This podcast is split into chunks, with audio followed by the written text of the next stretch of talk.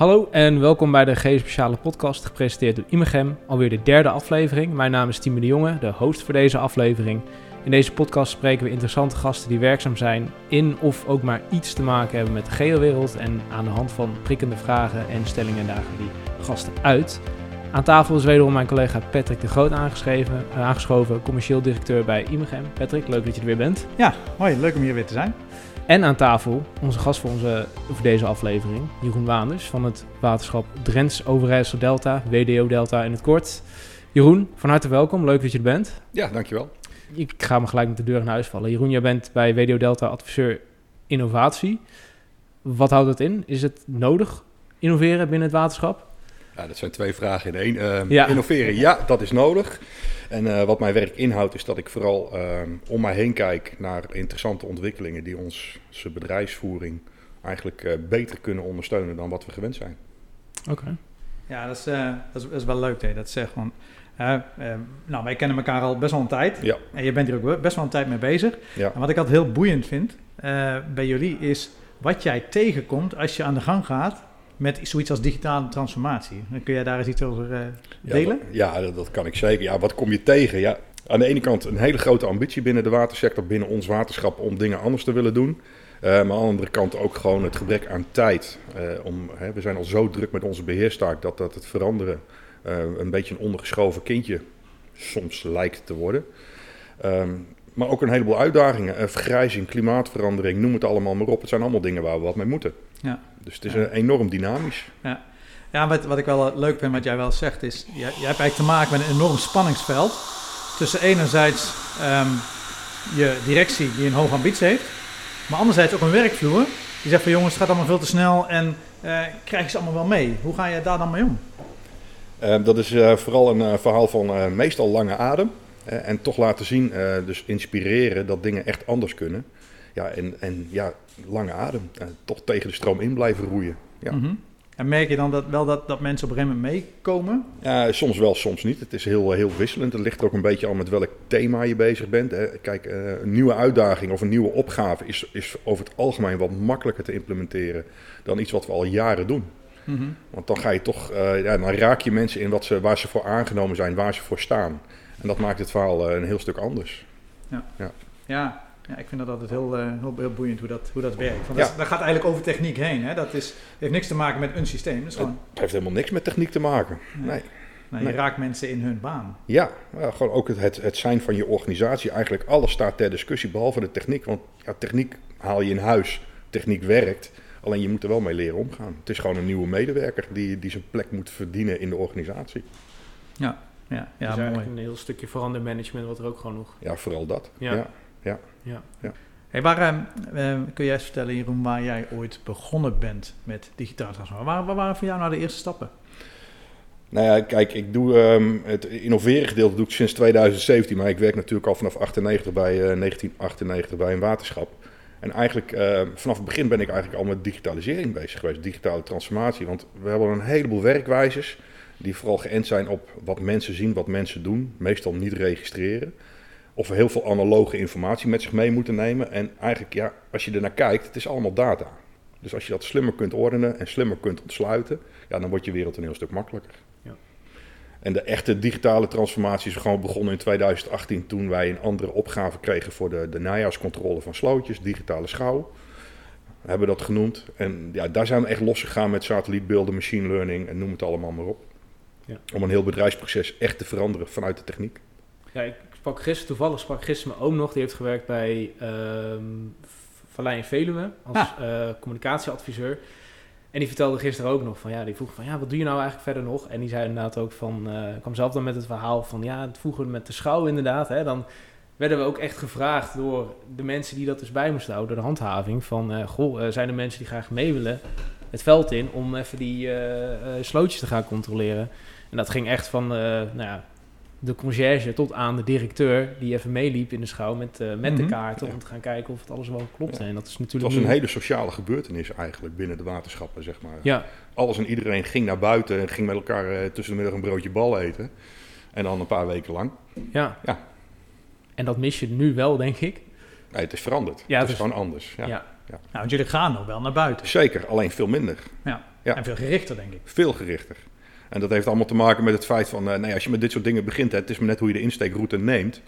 Eh, je kunt op zoek gaan naar problemen, maar je kunt ook gewoon uitsluiten waar je niet heen hoeft. En dat is echt een gamechanger geweest toen we daarmee begonnen. Want hè, je hebt duizend en één smaken fout. Nou, die moet, nou, als je een computer iets wil leren, zul je al die duizend en één smaken erin moeten drukken. Mhm. Maar er is maar één oplossing goed. Dus Ja. als je die kunt uitfilteren, ja, dan, dan blijft er niet zo heel veel over. Want het grootste gedeelte is gewoon goed. Ja. Ja, en het lijkt mij ook wel, eh, zelfs voor de mensen die eh, bang zijn van... hé, hey, ga je nu mijn werk overnemen of over laten nemen door een computer? Als je weet dat datgene waarvoor jij naar buiten moet... echt een indicatie heeft van, joh, er is hier iets aan de hand. Hè, ik kan hier mijn waarde bewijzen door daar naartoe te gaan. Dat lijkt me dat dat ook je werk toch wel nuttiger en Ja, zeker. Of? zeker. Ja. Het gaat over toegevoegde waarde als mens. En Ja. dat zijn juist in die gevallen waar, niks, eh, eh, waar echt iets aan de hand lijkt te zijn. Want zie jij, zie jij bijvoorbeeld in jouw waterschap dat dat, hè, dat dat sentiment door de tijd heen is veranderd? Of? Nou, in, het- in het geval van de handhaver die iets met schouw doet, ja, zeker. Die zijn alleen maar blij. Want ja, ze gaan naar buiten om te laten zien waar ze goed in zijn. Ja, en, en iets wat jij, dat weet ik me nog te herinneren van toen wij net begonnen. Toen stond ook altijd bij jou eh, in je plan, dit gaat ons ook helpen om de communicatie met onze ingelanden te verbeteren. Kun je daar iets over zeggen? Want die vind ik namelijk ook wel interessant. Eh, nee, het zit in twee delen. Kijk, ehm, ehm, uiteindelijk gaat het om het gesprek met een ingeland waar mogelijk iets aan de hand is. Want er kunnen gewoon onderliggende redenen zijn waarom die iets wel of niet gedaan heeft. En dat je de tijd ervoor hebt, dus dat je al je tijd eraan kan besteden om het goede gesprek met zo'n ingeland, zo noemen wij dat dan, eh, aan te kunnen gaan en gewoon een passende oplossing te kunnen vinden. Dat, dat voegt veel meer toe dan een, een bestuursdwangbrief schrijven en allemaal van dat soort rare, eh, of rare mag ik niet zeggen. Maar dat soort verplichte acties, zeg maar, die wel een bepaalde lading hebben en, en vaak misschien wel averechts kunnen werken. Ja, en je toon wordt heel anders dan. Ja, en zo zag je eigenlijk ook dat het hele proces, want eh, in het traditionele proces was de eerste brief die mensen kregen al meteen, eh, als u het nou niet doet, krijgt u iets met bestuursdwang. Terwijl we nu eigenlijk, goh, we hebben eh, de toon aanslaan, we hebben geconstateerd dat er mogelijk iets niet goed is. Misschien heeft u het in de tussentijd gedaan, neem even contact met ons op. Dat klinkt echt heel anders. Ja, je gaat veel meer de dialoog aan Ja. eigenlijk. We hadden het net natuurlijk over verschillende thema's. Hè? Ja. Dus eh, klimaat, vergrijzing. Ik sloeg vooral eigenlijk aan een beetje op dat eh vergrijzing gedeelte. Want dat is natuurlijk, ik denk dat dat gaat hand in hand met dat hele innovatieproces. Is, is, er, is er reden om ons zorgen te maken over die vergrijzing, als je dat zelfs naar kijkt? Of denk je dat we daar nu wel een beetje op, eh, op de goede richting zijn met alle nieuwe innovaties die, er- die daarop bedacht worden? Ja, vergrijzing is en blijft eh, voorlopig een, een hele grote uitdaging. En ik denk echt dat als je dat echt het hoofd wil bieden, ehm, dat je echt hele vergaande eh, innovaties door moet voeren om, om, om die uitstromende golf enigszins bij te kunnen houden. Ja. En aan de andere kant zie je ook dat eh, gewoon, eh, als je kijkt naar het arbeidspotentiaal in Nederland, pak de cijfers van het CBS er maar eens bij. ehm, de spoeling is heel dun aan het worden, met, ook met nieuwe medewerkers. Dus ik denk echt dat je wel moet Ja. innoveren. Ja. Waar, waar ligt het aan, denk je, die, die spoeling die weinig nieuwe medewerkers komen? Nou, sowieso gewoon eh, als je gewoon naar de demografie kijkt, de, het aandeel van, van jonge mensen in de maatschappij is echt ontzettend aan het afnemen. Hè? Ja. Of, of omgekeerd, het, het aandeel eh, eh, oudere mensen is enorm aan het worden. Die vragen ook allemaal zorg, dus ook voor de zorg heb je heel veel mensen nodig. Laat staan dat je dan ook nog in de, de, de technische, de technische beroepen eh, ook voldoende mensen hebt. En je ziet het in de hele sector, nou niet in de hele sector, in heel Nederland. Er is eigenlijk geen één eh, beroepsgroep waar geen tekort is. Ja. Dus we vissen allemaal in dezelfde pool. Ja. Ja, dus we zullen wel moeten. Ik denk het wel. Het is wel een mooie kans voor eh, AI en, eh, en dat soort dingen. Ik denk dat Ja. een van de drijvende krachten is waarom dat nu zo opkomt. Kijk, uiteindelijk gaat het er weer om dat, dat je de, de, de schaarse mensen die je hebt op die juiste plekken in kan zetten. Dat ze de meeste waarde kunnen toevoegen. Dus alles wat eigenlijk beter door een machine gedaan kan worden, of omgekeerd eigenlijk jammer is dat je dat door een mens laat doen, ja, daar moet je het echt over gaan hebben. Want zie jij eh, bijvoorbeeld zelf dat je, ehm, dat je als waterschap, eh, doen jullie bijvoorbeeld campagnes wel om nieuwe mensen, jonge mensen binnen te trekken? Ja, zeker. En lukt dat ook een beetje? Moeizaam. Oké. Ja. Is het, waar, is het eh, werken bij maatschap, wordt dat niet als sexy gezien of wat is het? Ik weet niet wat de onderliggende reden is. Maar eh, nou, ik denk ook hier, ja, je zit allemaal in dezelfde pool. Dus het aanbod is Ja. ook enorm. Er is zoveel te kiezen voor mensen die werk zoeken. Ja. Het is geen werknemersmarkt, het is een werkgeversmarkt aan het worden. Wij moeten echt jezelf enorm kunnen verkopen. Wil je überhaupt iemand kunnen krijgen? Ja, dat is natuurlijk zo. Dat is natuurlijk zo, ja. Ja, dus het is aan de, zou zeggen, aan de innovatieadviseurs de taak om eh, op, die op een of andere manier toch dan die plekken op te vullen. Maar dan misschien op een ja, niet-menselijke manier. Of heel bewust, in ieder geval heel bewust kiezen waar je mensen wel voor inzet. En Ja. wat er overblijft, ja, dat moet je gewoon slimmer gaan doen. Kan je wat vertellen over die dingen die jullie nu proberen slimmer te doen? Ja, we hadden net natuurlijk ook een beetje over die, die schouw. Zijn er nog meer? eh, Ja, we doen het eigenlijk in de brede zin van de, van de... Eigenlijk moet je even heel goed onderscheid maken tussen innovatie en, en, en inventief zijn. Want Ja. dat, dat is iets waar, we, waar ik uiteindelijk steeds vaker achter kom... dat wij als waterschappen, of als waterschap, als watersector... ontzettend inventief zijn. Dus het, het pi- pionieren en dingen uitvinden, dat vinden we, daar zijn we goed in. En dat gaat ook met, met stoom en kokend water. Maar het echt innovatief zijn, het willen implementeren in je organisatie is een uitdaging. Ja. Daar zijn we gewoon nog niet voldoende goed in. En waar, waar, waar ligt dat aan in jouw ogen? Nou ja, deels omdat we gewoon hè, eh, ehm, te maken hebben met... eh, ja, niet iedereen staat open voor innovatie. Mhm. hè, dus dat is, het is ook niet voor iedereen even makkelijk. En het is bedreigend en noem het allemaal maar op. Maar het, het vraagt natuurlijk ook wat. Want ehm, zoals gezegd, het is tot nu toe eigenlijk altijd in concurrentie met je, met je beheertaak.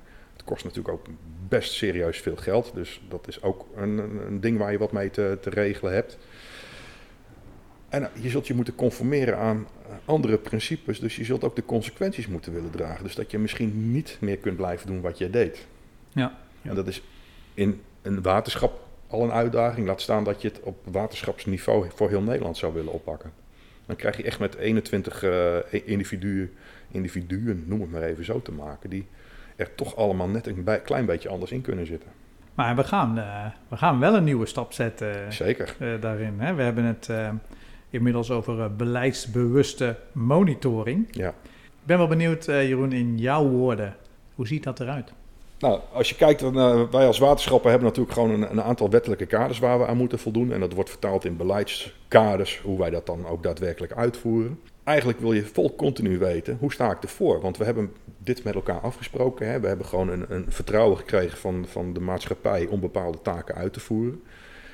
En daar hoort ook bij dat we het zo doelmatig en efficiënt mogelijk doen. Dus eigenlijk de beste kwaliteit voor de laagste kosten. Dus we zullen heel anders naar onze opgaves moeten kijken. Dus wat ik met doelbe- beleidsbewuste monitoring, noem het doelbewuste monitoring, kies maar een woord bij wijze van spreken, eh, wil bereiken is dat we aan de ene kant weten hoe eh, hoort ons areaal eruit te zien als wij aan de normen gaan voldoen, blijven voldoen, met inachtneming van klimaatverandering, noem het allemaal maar op, versus de prestaties die wij leveren.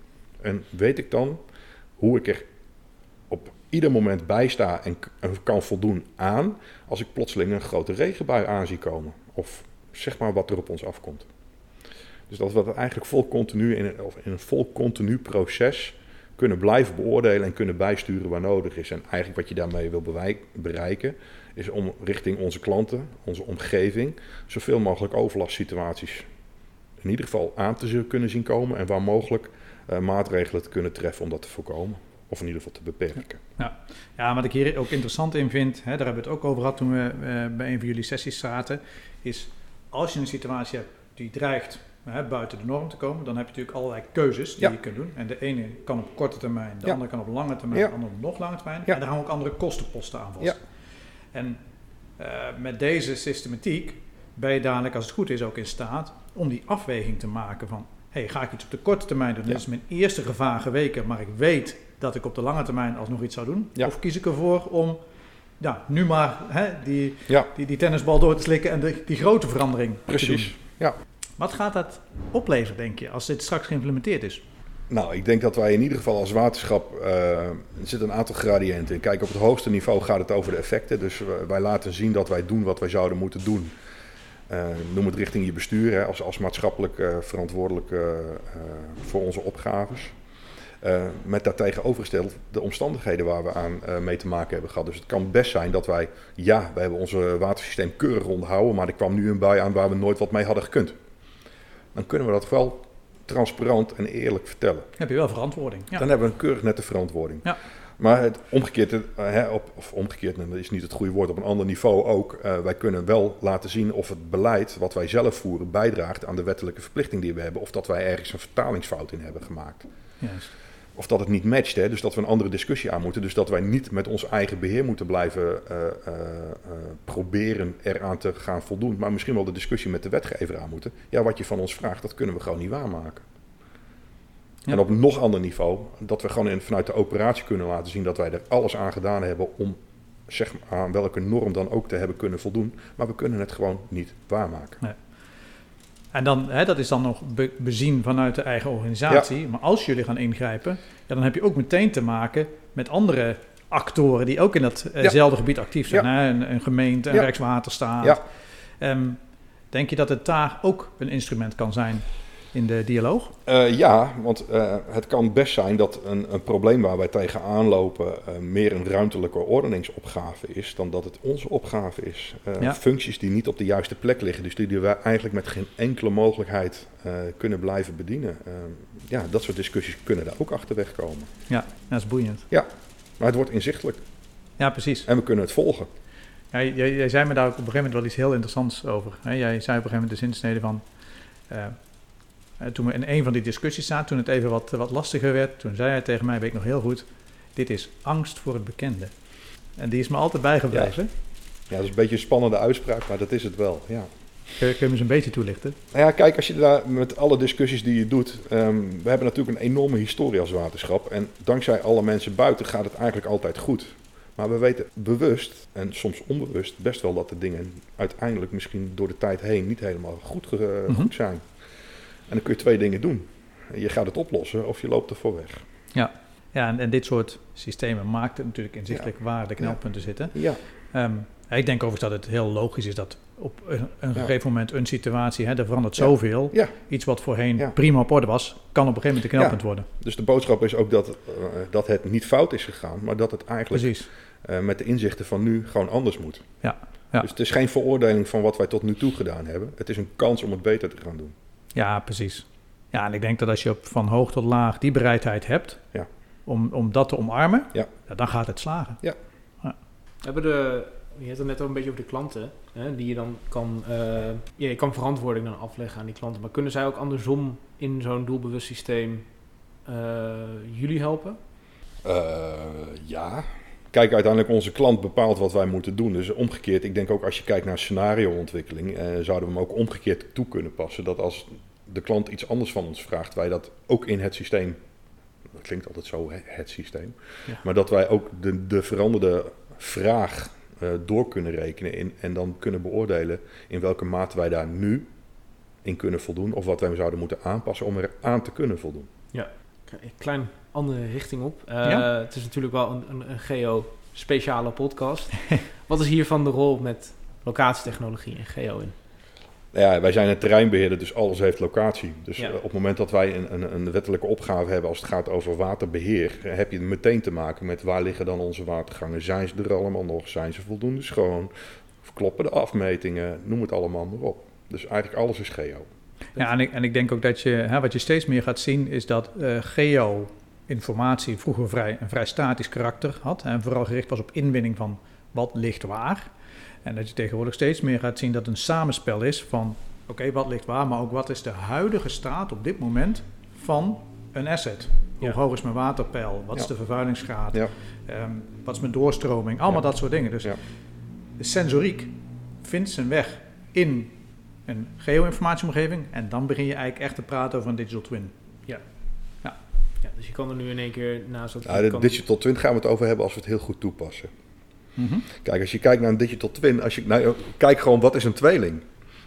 Dat zijn twee individuen die op hetzelfde moment door de- in, in dezelfde omgeving zijn ontstaan. Dus op het moment dat wij als waterschappen nu iets van een digital twin gaan roepen, moeten we ook accepteren dat 9 van de 10 keer alle historisch gegroeide waarheden meegenomen worden. Mhm. Mhm. Dus als we dit willen doorbreken, zul je echt terug moeten naar waar staan wij voor als waterschappen. En dan hebben we het niet over een individueel waterschap, maar dan heb je het over de waterschappen in heel Nederland. En wat is dan hetgeen wat wij moeten bijhouden en vastleggen om het met elkaar goed te kunnen doen? Want als jij, nou, nou, vind ik leuk, want als jij dan zegt van, hè, eigenlijk hoor ik je zeggen, op dit moment zijn we eigenlijk niet in staat om een digital twin van onze omgeving goed neer te zetten. Wat is, wat is daarvoor nodig om dat wel te kunnen? Dat, dat heeft wederom te maken met de organisatie. Ehm, je zult dus eh, terug moeten, waar staan wij voor Mhm. en hoe doen we dat? Of hoe horen wij dat te doen? En niet hoe wij dat onszelf hebben aangeleerd de afgelopen zoveel honderd jaar. Maar wat was nou eigenlijk de bedoeling? En hoe ziet er dat concreet uit? Ja, dat is een hele lastige. Kijk, uiteindelijk dan kom je op het punt uit dat, dat je dus wel de gemeenschappelijke noemer eh, tussen de verschillende waterschappen. Want waterschappen zijn ontzettend goed om de verschillen tussen elkaar te benoemen. Maar voor 90% zijn we hetzelfde. Mhm. Als we dat nou eens als vertrekpunt zouden nemen. Ja, dat is al een goeie. Maar dat gebeurt nu niet. Nee, het is, eh, wij eh, we hebben vooral last, of we nemen elkaar de maat op de 10% afwijking. Ja. En daar heb je last van. Soms heb ik ook wel het gevoel dat het ook wel een strijd is om wie zich het meest op de borst kan kloppen dat ze vooruitlopen. Ook dat. Maar daarom, dit zou, als je echt iets met digital twins wil doen, dan zul je het echt met de hele watersector in totaal moeten gaan doen. Mhm. Anders, gaat het, anders krijg je gewoon 21 tweelingen die nog steeds geen tweeling zijn, maar dat zijn 21 kinderen van verschillende ouders. Oh, wat zeg je dat? Ja, dat zeg je mooi. Ja. Ja, en die focussen zich dan waarschijnlijk ook allemaal op andere aspecten. Maar dat is natuurlijk het, Ja. het moeilijke eraan. Hè? Dat Ja, eh, een digital twin, als je het goed doet, is per definitie allesomvattend. En juist dat is eigenlijk heel moeilijk om dat ooit te bereiken. ja. Dus ook hier, ga alsjeblieft uit van het gemeenschappelijk deel wat, wat, Ja. wat, wat wel overeenkomt. We zitten allemaal met dezelfde wettelijke kaders, we zitten allemaal met dezelfde normeringen. Begin daar eens mee. Hoe kunnen wij als naar de geosector, hoe kunnen wij daaraan bijdragen?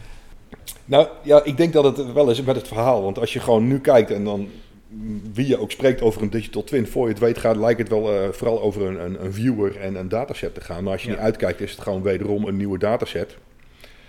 Maar het hele principe erachter is anders. Dus ik denk dat we niet vanuit de techniek moeten beginnen, maar vanuit de bedoeling. Ik denk het ook. Ik vind het ook wel grappig wat je zegt. Want eh, in de basis is een digital twin... eh, heeft eigenlijk helemaal niks met een viewer te maken. Het is een inzicht wat je krijgt. Het is een monitoringsomgeving. Ja, En heel veel mensen maken snel de vertaling van... oh, dat is, dat is mijn 3D-omgeving. Dat is dan mijn digital twin. Ja. Ja. dat heeft er niks mee te maken. helemaal niks. Nee. Nee. Kijk, uiteindelijk als je er gewoon naar kijkt, eh, even los van eh, hoe het eruit ziet. Waterschappen werken nu met leggers en beheerregisters. Dat zijn in de basis al digital twins, Ja. alleen niet in 3D. Nee. Nee. Dus voor je het weet is het een nieuwe 3D-dataset, m- maar dat wil niet zeggen dat we er anders mee gaan werken. Ja, ik, denk ook wel dat je hier ook een kernpunt te pakken hebt... van waarom, laat ik zeggen, de acceptatie of de, de, hè, de uptake van digital twins... af en toe nog wat stokt. Ja. Omdat het, eh, als het niet goed wordt uitgelegd... is de meerwaarde Vrij beperkt. vrij beperkt. En terwijl digital twins in hun core concept heel erg krachtig kunnen zijn. Ja. En ik denk ook dat als je nu kijkt, als we dat trapje even terugnemen naar die beleidsbewuste monitoring, de achterliggende gedachte daarbij is in feite om een echte digital twin te creëren. Maar die gaat veel verder dan data. Die gaat over de continue afstemming tussen wat ben ik aan het doen en hoe zou het moeten zijn. Ik denk dat je zelfs een stapje verder kunt gaan. En ik denk dat we moeten ophouden over digital twin. Ik denk dat we uiteindelijk moeten gaan werken aan een physical twin. Vertel. Nou ja, als je vanuit je doelstellingen, je kaders, je normen... en dan niet alleen voor de waterschappen, maar ook voor de gemeentes en provincies... weet hoe jouw gebied eruit zou moeten zien Mhm. in de huidige, wet, eh, in de huidige omstandigheden... Ja. En je weet wat de toekomst je gaat brengen of wat de verwachtingen zijn... Ja. dan weet je toch wat je buiten moet aanpassen. Nou, dat. Ja. En dan heb je het over een physical twin. Nee, je vertaalt letterlijk je inzichten naar wat er buiten gebeurt. Ja, en je handelingsperspectief. En dan zou je ook die loop weer moeten sluiten terug. Correct. wat er buiten gebeurt. En die is misschien ook nog wel even leuk om daarop in te gaan. Maar dat is een, een haakje naar bijvoorbeeld wat jullie hebben gedaan met je graafmachines. Ja. Kun je daar nog iets over Ja, dat kan ik zeker wel. Wat wij gedaan hebben is, ehm, nou laat ik bij het begin beginnen. Ehm, kijk, vanuit het min of meer eh, traditioneel beheerregister en je leggers waar we mee werken en je eh, projecten die je daarop doet, eh, hadden wij een, een, een inspanning om eh 10% van ons areaal één keer in de 10 jaar in te meten. Om te kijken wat de aangroei van bagger, hè, dus die sliplaag onderin de sloot was. Ja. En daaraan onze activiteiten op te enten. Dus eigenlijk bouw je nooit voldoende data op om te kunnen, want hè, tussentijds ga je ook nog een keer ingrijpen. Dus welke datareeks bouw je nou eigenlijk op? Ja. Het kost heel veel geld, het kost heel veel inspanning en eigenlijk weet je niks. Nee. Dus wat we gedaan hebben is gekeken van ja, welke activiteit doen wij vaak en zullen we eigenlijk altijd moeten blijven doen? Ja, dat is het onderhouden van je watergang. En dat doe je met machines. Ja. Dus toen hebben we gedacht van als we die machines nou eens gewoon super slim maken. Dus in plaats van dat hij alleen nog maar de, die maaikorf door de sloot heen haalt of die baggerlepel door de sloot heen haalt, zijn core business is informatie in binnenhalen. Dus we hebben die machines voorzien van sensoren die uh, tot op centimeter of twee centimeter nauwkeurig weten hoe het profiel van de sloot na onderhoud eruit ziet. Ja. En dan wil ik helemaal niet weten hoe de officiële afmetingen willen eh, zijn van de sloot. Hè? Dus die harde bodem, het, het, het, het zal wel. Maar als ik daar een maaibeweging heb gedaan, dan weet ik dus heel nauwkeurig hoeveel water daar doorheen kan. Omdat ik gewoon zo nauwkeurig meet. Hm. En omdat het een onderhoudsmachine is, doet hij dat met een uh, ruimtelijke interval die echt 25 keer zo hoog is als dat een landmeter ooit zou kunnen. En hij doet het twee keer per jaar. En nou, het is een, Dat is een schat van informatie. Ja. Ja. Je kunt gewoon volgen wat er gebeurt. En je kan het in je systeem gelijk afzetten tegen Ja. datgene wat zou moeten zijn. Ja, want daar zet je dus in, in, in een ruimtelijk beslag, in, noem het maar in vierkante meters, op wat je, wat je wettelijke kader is. Of je, je afvoernorm, hoe dat vertaald is naar vierkante meters. En zodra die, die machine zijn arm door die sloot heen heeft gehaald, weet ik meteen, het is te groot, het is te klein. Oh. Eh, Ja, en, en daar was ook nog een ander interessant aspect van. Ehm, eh, want daar hadden we het op een gegeven moment ook over. Je kan je helemaal blind staren op je maatgevend profiel. Ja. Of je kunt nadenken, ook weer beleidsbewuste monitoring. Wat is de opgave, wat is de prestatie die ik Ja. moet leveren? En Ja. in hoeverre is Ja. datgene wat ik nu aantref in Ja. staat om die prestaties te leveren? Ja. Dat is een andere kijkwijze. En dan praat je ook eigenlijk niet meer over je traditionele manier van kijken naar leggers en beheerregister. Maar dan eh, eigenlijk het punt wat jij net ook aangaf. Aan de ene kant heb je statisch je norm vast liggen. Dit heb ik nodig om aan mijn functie te kunnen voldoen. En je krijgt een hele enorme bak aan data met die, dyna, hoog dynamisch. Die jou in staat stelt dat, dat echt ontzettend goed te kunnen volgen. Gaaf. Ja, klinkt heel gaaf.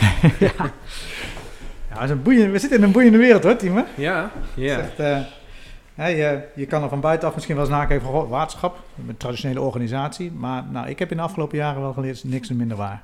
Nee, ik ook. Nee, het is altijd, je hoort vaak, het is voor mij de, een beetje de oude, oudste bestuursvorm van, Van Nederland. Nederland. Maar ja, je leert ook van dat ze eigenlijk gewoon super inno- innovatief bezig zijn. En eh, ja, wat ik zelf ook heb gezien, we zijn zelf samen met eh, ja, collega Erik Pander zijn wij het veld ingegaan om te kijken hoe dat hij dat nou eigenlijk doet. Ja, dat heeft me ook wel tot het denken gezet, dat je af en toe soms de technologie wel een beetje voor lief neemt. Mhm. Ehm, want voor hem is natuurlijk, hij gebruikt dan eh, nou ja, de, de tablet om dan te gaan controleren of de sloot een fotootje maken. En hij keurt het goed of keurt het af. En nou ja, wij weten hoeveel werk daarachter heeft gezeten. En als ik dan zelf eens een keertje weer kijk op mijn telefoon, of bijvoorbeeld nu tijdens het opnemen van deze podcast, dan ga ik me in één keer realiseren van hoeveel werk daar waarschijnlijk achter heeft gezeten om dit allemaal nou ja, werkend te krijgen. Ja, maar ik, ik zeg wel eens van, als, ja, als je dat gevoel krijgt, hebben we ons werk goed gedaan. Ja, nou, en ik denk, ja, het is een beetje onszelf op de, op de schouder kloppen. Nee, maar wat ik bedoel te zeggen is, eh, uiteindelijk eh, moeten systeemeisen niet zijn van hè, het moet op dat platform draaien en het moet deze performance halen. Het moet ervoor zorgen dat iemand die ermee moet werken, zonder zorgen, ik wil niet zeggen zonder nadenken, maar zonder zorgen, eh, zijn proces moet kunnen doorlopen. Ja. Als we dat voor elkaar hebben, en dan krijg je volgens mij dus wat jij bedoelt van, hè, hey, je denkt er eigenlijk niet over na. Je, je zit in het veld en je kunt je werk doen. Ik zeg, als dat goed gaat, dat moet de norm zijn. Het is een beetje hetzelfde wat jij zegt tussen hè, de, de afweging met... Hè, ga ik uit van mijn normgevend profiel of ga ik uit van mijn prestatie? Ja. Ja. En, eh, dus dat is, eh, dat is wat je ook steeds meer in organisaties ziet. Ja. Wij worden afgerekend op de prestatie die we leveren. En terecht, denk ik. Nou is het ook nog redelijk recent, we hebben natuurlijk de waterschapsverkiezingen. Eh, merk je daar iets uit van misschien de politieke kant op het eh, gebied van innovatie? Ja, dat moet blijken. Kijk, met eh, iedere bestuurswissel is natuurlijk eh, de vraag waar de accenten komen te liggen voor de komende bestuursperiode. Ja. Ehm, Heb je, heb je een grote verschuiving gezien bij jullie? Zijn er andere partijen die nu het ja, zeker. vormen? Maar dat zie je, de, de, de, trend van Nederland zie je ook in de waterschapsbestuur Ja, eh, terugkomen. ja. Dus hoe dat ze uit gaat pakken, geen idee. Ehm, kijk, uiteindelijk de uitdagingen voor de ambtelijke organisatie veranderen niet. We blijven met de vergrijzing te maken hebben. Eh, De klimaatdoelen, eh, alles blijft staan. Ja. In dat opzicht zijn wij best wel een uitvoerende organisatie. Dus ehm, ja, op accenten zullen er vast verschillen gemaakt gaan worden. Maar ik durf niet in te schatten wat daar de impact van is. Nee. Nee. Nee. Nee. Maar ja, wat je zegt, hè, los van wie er zit, de uitdagingen blijven hetzelfde. Ja, en je wettelijke kaders staan ook. Het is natuurlijk een bestuursvorm, maar er zit natuurlijk ook gewoon nog een hele organisatie achter die gewoon hun werkzaam eh, Ja. hun werk moeten Ja. Ja. Dus het kan zeker invloed hebben. Het kan alleen niet zeggen wat het op dit moment is. Eh, Nee. Misschien wel niet, misschien wel. Ik, hoor, ik hoorde het net al een beetje zeggen inderdaad over eh, klimaat. Zijn daar, eh, we hebben het al over vergrijzing gehad, maar klimaat is weer een heel andere eh, Ja. uitdaging. Ja. Eh, wat voor uitdagingen hebben jullie daarin? Ehm, nou ja, wat je ziet is dat eh, waar wij tot voor heden als waterschappen eigenlijk altijd te maken hadden met eh, in de winter is het nat en in de zomer, nou ja, oké. Eh, zie je dat het eh, veel dynamischer aan het worden is. We kunnen niet meer zeggen dat het in de winter nat is en in de zomer ehm, gewoon. Nee, het is soms heel droog en plotseling heel nat. En je ziet het eigenlijk niet aankomen en nou noem het allemaal maar op. Dus eigenlijk, ja, het is hoog dynamisch aan het worden. Hoe kun je daar dan op anticiperen? Dat lijkt me zo moeilijk. Ja, dat is heel moeilijk. Dus je zult ook naar andere eh, methodes van. eh, nou, een voorbeeld is bijvoorbeeld, nou ja, droogte gaat vrij traag. Hè? Dus je ziet al heel snel eh, grondwaterstanden dalen. Soms eerder dan je verwacht. Allemaal van dat soort dingen. Even los van dat je er misschien niet alles mee kunt. Maar een, een clusterbui, ehm, ja, dat kun je anders aanvliegen. In plaats van dat we uitgaan van de traditionele voorspellingsmodellen, kun je ook gewoon publiek ontsloten weerstations in Duitsland eh, of eh, buiten ons beheersgebied gaan bekijken. En ik weet de windrichting en ik weet de verwachte intensiteit. Dus kan ik met enige zekerheid voorspellen waar het hard gaat regenen. Ja. En laten we wel wezen, eh, voor een waterschap is veel water een heel stuk makkelijker dan droogte.